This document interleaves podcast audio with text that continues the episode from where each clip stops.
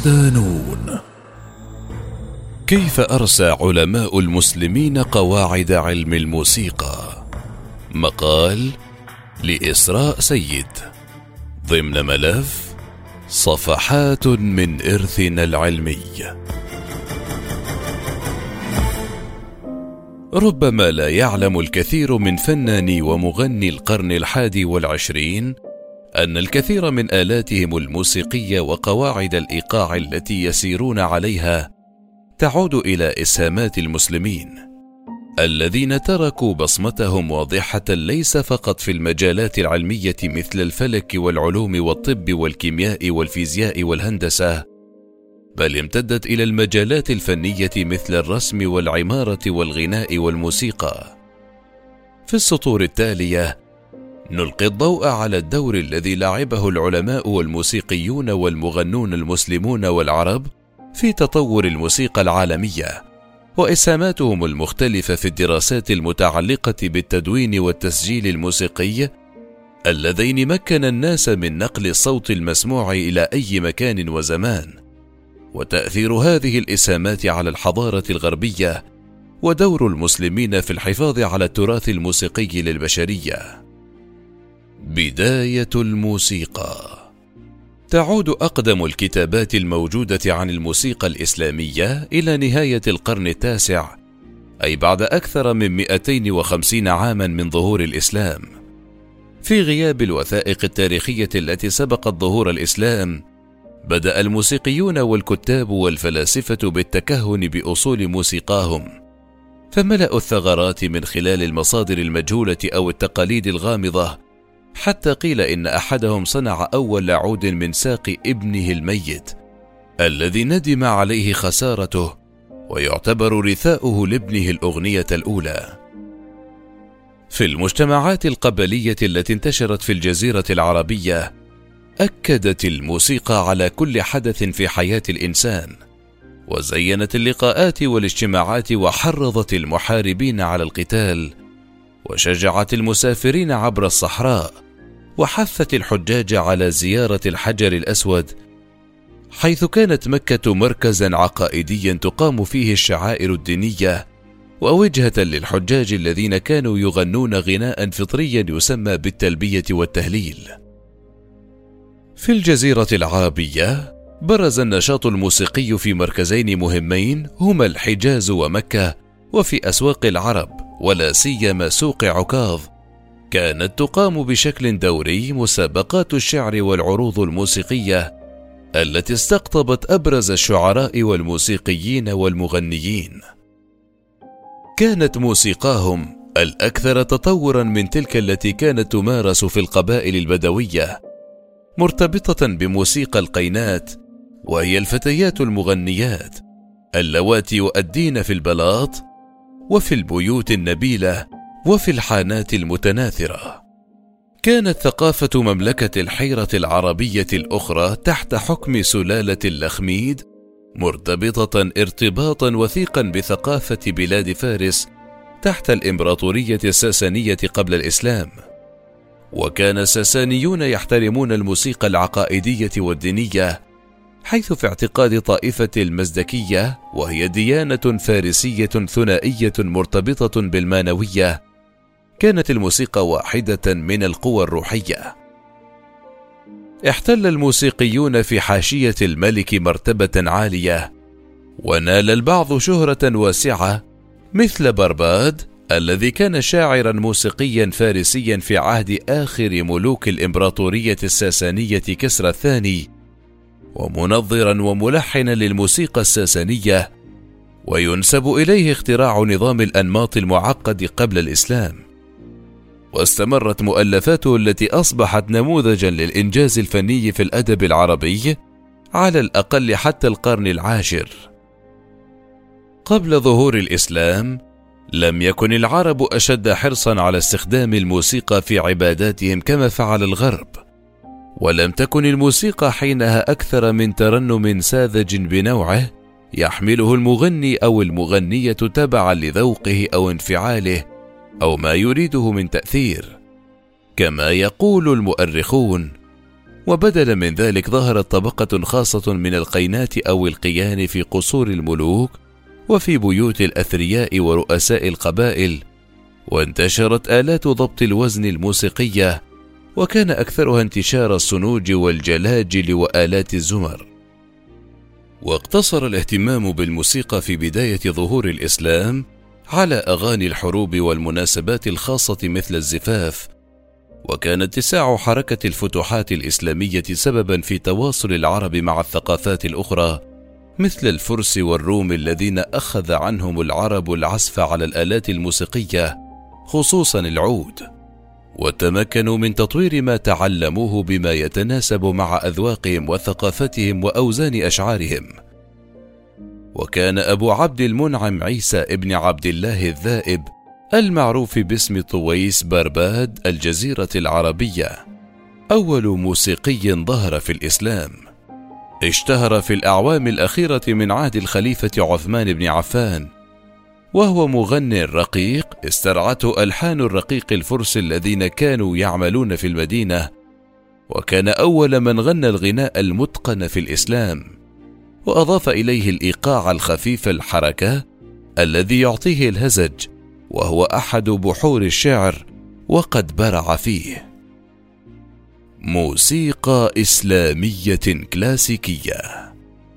في ظل الخلافة الأموية التي امتدت بين 661 و 750 انتقلت الموسيقى العربية إلى مرحلة جديدة وتطور النمط الكلاسيكي للموسيقى الإسلامية بشكل أكبر حيث نقلت العاصمة إلى دمشق في سوريا واكتظت الساحات بالموسيقيين والموسيقيات الذين شكلوا طبقة منفصلة. كان ظهور الأغنية الفردية التي تؤدى بمصاحبة العود من أبرز السمات الموسيقية لهذا العهد. فعلى سبيل المثال، ظهر لأول مرة في عهد راعي الموسيقى العربية يزيد الأول ما عرف بمنشد البلاط أو منشد القصر ومن أبرز المغنين العرب الذين ظهروا في بداية الحكم الأموي سائب خائر أحد أئمة الغناء والتلحين عند العرب الذي أسبغ الروح العربية على الغناء الفارسي وكان أول من عزف على العود أثناء تأتيته الغناء وأول من ابتكر الإيقاع المسمى بالثقيل الأول وسار على المنهج نفسه آخرون أمثال ابن سريج ومعبد. ولد ابن مسجح أول وأعظم موسيقي في العصر الأموي، لقب بأبي الموسيقى الإسلامية في مكة لعائلة فارسية، وكان منظرا موسيقيا مغنيا ماهرا وعازفا على العود. بدأ في ذلك العصر في وضع قواعد للعزف والأداء والتلحين لهذا سمي الغناء العربي في ذلك الوقت بالغناء المتقن سافر ابن مسجح إلى سوريا وبلاد فارس وتعلم نظريات وقواعد الموسيقى البيزنطية والفارسية ودمج الكثير من معرفته المكتسبة في الأغنية الفنية العربية ورغم أنه تبنى عناصر جديدة مثل الأنماط الموسيقية الأجنبية إلا أنه رفض السمات الموسيقية الأخرى باعتبارها غير مناسبة للموسيقى العربية. وأدخل من التجديدات اللحنية ما استطاعت الأذن العربية أن تستوعبه وتتذوقه. المعرفة بإسهاماته واردة في أهم مصدر للمعلومات عن الموسيقى والحياة الموسيقية في القرون الثلاثة الأولى للإسلام. كتاب الأغاني لأبي الفرج الأصفهاني في القرن العاشر الذي يتحدث عن وضعه أسس وقواعد ونظريات الغناء والعزف على العود والتلحين أيضا كذلك جمع الكاتب والشاعر والموسيقي العربي يونس الكاتب مؤلف أول كتاب عربي عن النظرية الموسيقية أول مجموعة من الأغاني في القرن الثامن وكان من أوائل العرب الذين وثقوا فن الغناء. وأول من دون ونوط الموسيقى العربية وأثرت مؤلفاته بالأصفهاني وكتابه الأغاني. ومن النساء اللواتي حظين بشهرة كبيرة في مكة المكرمة والمدينة المنورة في عصر الدولة الأموية جميله وعز الميلاء وأفرد لهما الأصفهاني أجزاء واسعة في كتاب الأغاني خاصة أن عز الميلاء غنت في مجالس حضرها حسان بن ثابت شاعر النبي محمد صلى الله عليه وسلم. ومن الموسيقيين البارزين الآخرين في تلك الفترة ابن محرز ذو الأصول الفارسية الذي اشتهر بلقب صناج العرب. وهو واحد من خمسة صنفهم إسحاق الموصلي في أصول الغناء. وتعلم محاسن الألحان من الروم ومزجها مع الألحان الفارسية ليؤلف منها أغاني صنعها من أشعار العرب. ينسب إلى ابن محرز التجديد في الموسيقى العربية فقد ابتكر إيقاعا سمي بإيقاع الرمل وغناء سمي بغناء الزوج وهو أول من غنى بزوج من الألحان للبيت الشعري الواحد أي أنه لم يكتف بلحن واحد يردد مع كل بيت وقد سار المغنون من بعده على خطاه. ابن سريج هو أيضا من أصل فارسي برع بالغناء والعزف على العود واشتهر بمرثاته وارتجالاته. ومثل ابن سريج أسس معبد بن وهب إمام المغنين العرب أسلوبا شخصيا خاصا تبنته الأجيال التالية من المطربين وكان مبدأه في الغناء أنه يستمع أثناء نومه إلى صوت يجري في مسمعه فيستيقظ من سباته ويردده. خلال تلك الفترة طرأت تطورات كبيرة على الآلات الموسيقية لكن العود بقي سيد الآلات فقد استخدم في العزف المنفرد ثم استخدم الفنانون إلى جانبه الآلات الهوائية الخشبية مثل المزمار وفي بعض الأحيان اصطحبوا الطبل والدف لتمييز الإيقاع فظهرت بوادر ما يعرف اليوم بالفرقة الموسيقية. العصر الذهبي للموسيقى. واصلت الموسيقى العربية سيرها في طريق الازدهار حتى بلغت ذروتها خلال حكم العباسيين. فمع تأسيس الخلافة العباسية عام 750 على أنقاض الخلافة الأموية أصبحت بغداد عاصمة العراق حاليا المركز الموسيقي الرائد واندمجت العناصر المتباينة في أسلوب الموسيقى الإسلامية الكلاسيكية وشهدت الخلافة العباسية فترة العصر الذهبي في الموسيقى الإسلامية مع سائر الفنون والآداب. خصوصا في عهد الخليفة العباسي هارون الرشيد الذي اقترن اسمه بالأمجاد العربية في الفنون والآداب. في مثل هذه الظروف الملائمة كان من الطبيعي أن يتقدم فن الموسيقى. فظهر في هذا العهد أشهر المغنين في الإسلام وكان من أمهر فناني تلك الفترة إبراهيم الموصلي وابنه إسحاق. أفراد من عائلة فارسية نبيلة كانوا من كبار الموسيقيين في البلاط الملكي ومن المقربين من الخلفاء هارون الرشيد والمأمون. وشارك الموصلي بفاعلية في الجدل المعاصر في مواجهة دعاة الحداثة ابن جامع والمغني الشهير الأمير إبراهيم بن المهدي. كان إسحاق المطرب والملحن والمبتكر الموسيقي البارز في عصره رجلا ذا ثقافة واسعة. له الفضل في تأليف ما يقارب الأربعين عملا عن الموسيقى والتي فقدت فيما بعد. ووفقا لكتاب الأغاني هو منشئ أقدم نظرية إسلامية عن الأنماط اللحنية يطلق عليها اسم الأصابع. حيث قام بتنظيم الأوضاع وفقا للأوتار الموجودة على رقبة العود والأصابع المقابلة لها.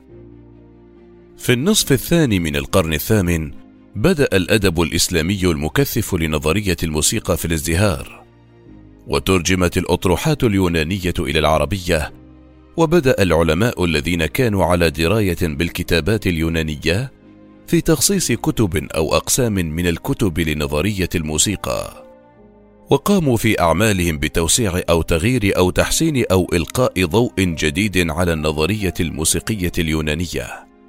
كتب أبو يوسف يعقوب ابن إسحاق الكندي المعروف بفيلسوف العرب الذي كان منغمسا بعمق في التعلم اليوناني أكثر من ثلاثة عشر أطروحة موسيقية مثلت أول بحوث جادة في هذا الفن في تاريخنا العربي بما في ذلك أول أطروحة موسيقية عربية وحيدة النجد كما تناول نظرية التحري والجوانب الكونية للموسيقى.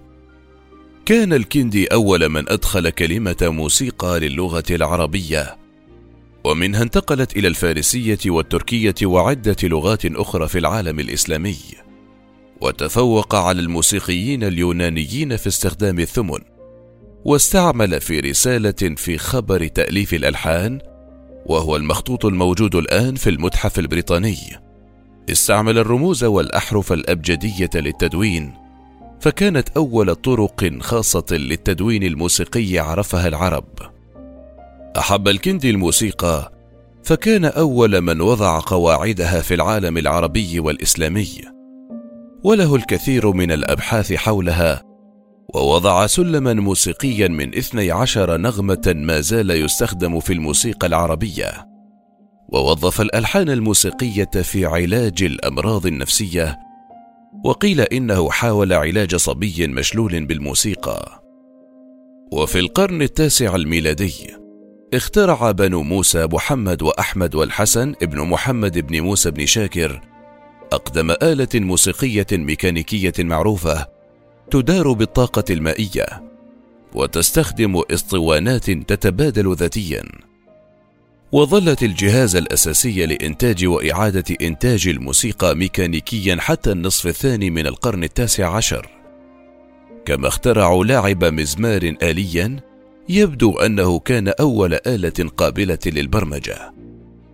في القرن العاشر الميلادي تعامل أعضاء جماعة إخوان الصفا وهي جماعة أخوية مهمة في القرن العاشر اتحدوا على أن يوفقوا بين العقائد الإسلامية والحقائق الفلسفية المعروفة مع هذه الموضوعات الموسيقية وقدموا نظرية الصوت التي تجاوزت النظريات اليونانية القديمة. تناول الفلاسفة مثل ابن سينا الذي استخدم آلة العود كتطبيق لنظرياته الموسيقية وضمنها في كتابه الشفاء. وفيه جزء مهم للغاية عن النظرية الموسيقية العربية. والفارابي مؤلف كتاب الموسيقى الكبير أحد أهم المؤلفات الموسيقية التي كتبت على الإطلاق. لما فيه من دراسات رائعة عن الموسيقى وآلة العود وأهميتها وكيفية ضبط أوتارها. تناولوا موضوعات مثل نظرية الصوت والفواصل والأنواع والأنظمة والتشكيل والإيقاع والآلات. كما فعل آخرون مثل شمس الأئمة السرخسي وثابت بن قرة وابن زيلة تلميذ ابن سينا. وعبر كل العصور كانت آلة العود واحدة من أهم الآلات التي استحوذت على اهتمام الباحثين في الغناء والموسيقى العربية. وكان للعرب الفضل الكبير في تطويرها ما جعلها أساسا لتطوير آلات أخرى شبيهة بها استخدمت في الموسيقى الغربية. وكان لعازف العود على وجه الخصوص مكانة رفيعة في المجتمع العربي وذاع صيتهم وتناقلت كتب التراث أخبارهم بحسب ما يذكر الباحث المصري فتح الصنفاوي في كتاب الآلات الموسيقية والإنسان. الزمان والمكان. كيف أثر المسلمون في موسيقى العالم الغربي؟ يمكن اكتشاف تأثير المسلمين على الإحياء الموسيقي لأوروبا في وقت مبكر من فترة الإمبراطورية الكارولنجيه في غرب ووسط أوروبا في أوائل العصور الوسطى. حيث حاول الإمبراطور الروماني شارلمان تقليد ومنافسة العواصم الإسلامية الكبيرة مثل بغداد وقرطبة فقضى سبع سنوات في إسبانيا خلال دولة الأندلس وبالإضافة إلى صداقته مع الخليفة العباسي هارون الرشيد ودعا علماء من الخارج إلى بلاطه وأسس مدارس. وفقا لبعض المصادر توسع بيبان القصير ملك الفرنجة وشارلمان إلى حد ما في استخدام الموسيقى الكنسية من خلال إدخال بعض الآلات الموسيقية العربية الإسلامية التي جاءت من إسبانيا أو صقلية كما يقول المؤرخ آرثر ماير شليزنجر. ويلاحظ أن الآلات التي استخدمت في الكنيسة الإنجيلية في سانت ميدارد في القرن الثامن والمزامير المستخدمة في القرنين التاسع والعاشر كانت جميعها أدوات شرقية مشتقة من الحضارة الآسيوية القديمة أو المصرية وانتشرت في أوروبا بشكل رئيسي من خلال المسلمين. بالتوازي مع ازدهار الموسيقى في المراكز الشرقية لدمشق وبغداد تطور مركز موسيقي عام آخر في إسبانيا اولا تحت حكم الناجين من الحكام الأمويين ولاحقا في عهد المرابطين البربر حكام شمال أفريقيا وإسبانيا في القرنين الحادي عشر والثاني عشر والموحدين الذين امتدوا إلى إسبانيا بعد سقوط المرابطين. بحلول القرن الحادي عشر بلغ تدفق المعرفة الإسلامية بما في ذلك الموسيقى ذروته. ونقلت الموسيقى من خلال اتصال إسبانيا وجنوب فرنسا. فقد أدى الاتصال الاجتماعي والاقتصادي بين المسيحيين والمسلمين الإسبان وغيرهم من المسيحيين الأوروبيين إلى نشر التعليم والفنون الإسلامية في جميع أنحاء أوروبا. يبدو تأثير الموسيقى الإسلامية في الموسيقى والفولكلور الإسباني والبرتغالي واضحا تماما ولا يحتاج إلى أي دليل. فهناك قدر كبير من المؤلفات التي تشكل الحياة الثقافية والفنية لهاتين المنطقتين في ظل ثمانمائة عام من الحكم الإسلامي. يمكن العثور على أقرب مثال على هذا التأثير في مجموعة كانتيغاس دي سانتا ماريا تتألف المجموعة من التدوينات الموسيقية الأندلسية التي كانت تنشد في البلاط الملكي لألفونسو الحكيم ملك قشتالة وليون خلال النصف الثاني من القرن الثالث عشر. وتتكون من 415 أغنية دينية أخذت طابع تراتيل المديح للعذراء. وهذه الأغاني هي أول الأعمال الأدبية المعروفة المحفوظة مع تدوينها الموسيقي الأصلي في اللغة الجاليكية خلصت الدراسات التفصيلية حول هيكل الأغاني وشكلها إلى أنها كانت مستمدة بشكل مباشر من الموسيقى العربية. حيث كان 335 منها من قصائد الزجل. وأثبت بعض المؤرخين أنها مستوحاة من الأغاني المعروفة باسم الموشحات الأندلسية. وفي الواقع يعتقد جموع الأكاديميين الغربيين أن تفسير ظهور الزجل في الغرب لا يمكن أن ينسب إلا إلى الموشح الأندلسي. كان التاثير الإسلامي محسوسا في وقت مبكر في شعر التوربادور الذي تأثر بالشعر الأندلسي العربي حيث انتشر هؤلاء الشعراء والموسيقيون والمغنون في العصور الوسطى بشكل رئيسي في منطقة لانغدوك في جنوب فرنسا وكذلك في شمال إسبانيا وإيطاليا واقتبسوا منه أنماطا من الحب لم تكن معهودة في أوروبا.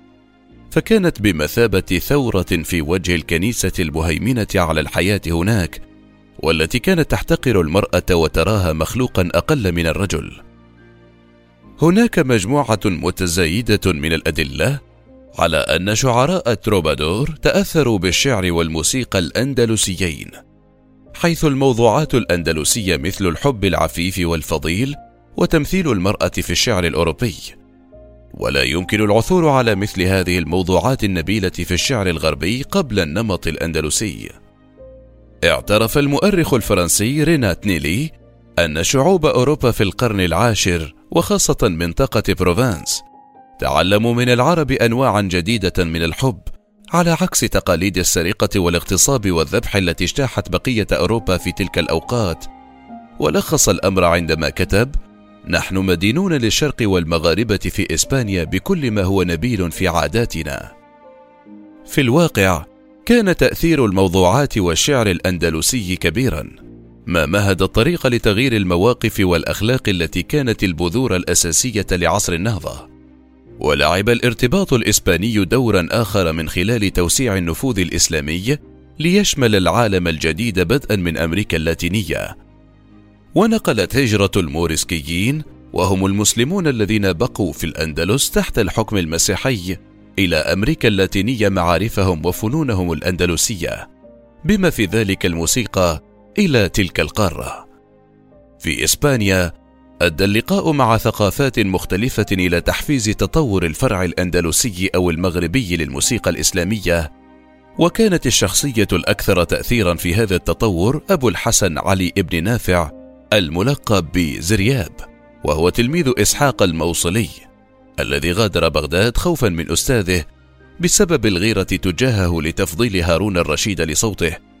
فشد الرحال إلى الأندلس وهناك أطلق العنان لإبداعه ولاقى ترحيبا وحصل على امتيازات ورواتب سخية فور وصوله البلاد ومكنته عبقريته وتفرده اللحني أن يصل مكانة لم يصل إليها موسيقي عربي من قبل. كان زرياب موسيقار ومسؤول الترفيه بالبلاط الملكي في عهد عبد الرحمن الأوسط الذي استدعاه وأكرم وفادته بعد أن فر من بغداد وأسس دار المدنيات وهو أول معهد لتعليم الموسيقى والغناء وقواعدها في مدينة قرطبة. وطور مجموعة متنوعة من الأساليب الجديدة لتعليم الغناء في مدرسته الموسيقية المعروفة التي خضع ملتحقوها الموهوبون لاختبارات منهجية شكلت أسس الغناء. المغني الموهوب والموسيقي البارز في بلاط قرطبة أدخل على فن الغناء والموسيقى في الأندلس تحسينات كثيرة أهمها أنه زاد الوتر الخامس إلى العود واعتبره روح الآلة وأحب آلة العود وأبدع بها ألحانا قوية وجدد طريقة العزف على العود واستخدم ريشة النسر بدلا من الخشب وكان سببا رئيسيا في انتشار النشاط الموسيقي في المدن الكبيرة وأصبحت إشبيلية مركزا رائدا لتصنيع الآلات الموسيقية. وضع زرياب قواعد لتعليم الغناء للمبتدئين. وأدخل على الموسيقى مقامات كثيرة لم تكن معروفة من قبل. وافتتح الغناء بالنشيد قبل البدء بالنقر وابتكر عددا من الأشكال الجديدة للتأليف وقدم انواعا من الموسيقى والغناء منها ما تطور إلى موسيقى الفلامينكو الاسبانيه التي تنشأ وفقا للمفكر والكاتب الأندلسي المعروف بأبي القومية الأندلسية الحديثة بلاس إنفانتي من الكلمة العربية فلاح مانجو وهي كلمة مركبة تستخدم لوصف مجموعة من المتجولين الريفيين. الفرضية وفقا لإنفانتي أنه عندما طرد الموريسكيون ومعظمهم من المزارعين من منازلهم لتجنب الموت أو الاضطهاد أو الترحيل القسري لجأوا بين الغجر ليصبحوا فلاح مينغو أي فلاحا منكوبا وتمكنوا من العودة إلى ممارساتهم واحتفالاتهم الثقافية بما في ذلك الغناء وهم يتظاهرون بأنهم غجر. بالتكامل مع التقاليد والإيقاعات المحلية أدت موسيقى وألحان زرجاب إلى ظهور عدد من الأساليب الموسيقية وإيقاعات الرقص المتميزة في أمريكا اللاتينية مثل الجارابي في المكسيك والكويكا والتونادا في تشيلي. والإسكونديدو التي انتشرت في الأرجنتين والأوروغواي والسامبا والباياو في البرازيل والجواجيرا والدانزون في كوبا ويعود أصل العديد من هذه الأساليب الموسيقية إلى موسيقى الفلامينكو التي تشتهر بارتباطها بالعربية. على مدى هذه القرون عرف العرب والمسلمون من الآلات الموسيقية عددا كبيرا حتى بلغ من كثرتها ان قال الباحث هنري جورج إننا لا نستطيع أن نحصيها على كثرتها إلا عشرها. ففي مجموعة الوتريات نجد المزهر وهي العود العربي الجاهلي والربابة التي تعزف بالقوس بدلا من ريش الطير وهي أم الآلات عند العرب. ومنها تفرعت آلة الكمان والقانون والسنطور والجنك أو الهارب. ومن النايات الشبانة والجواق والصفارة ومن الدفوف الطار والدائرة والمثمنة ومن الطبول النقارة والطبل والقصعة. كما عرف المسلمون في القرن العاشر الميلادي الأرجن ذا الأنابيب الذي كان معروفا باسم ملك الآلات وموسيقى القرب الذي شاع استعماله خاصة في الهند وبلاد المالايو والأندلس. كما انتشرت فكرة فرق الموسيقى العسكرية المارشات خلال فترة الدولة العثمانية.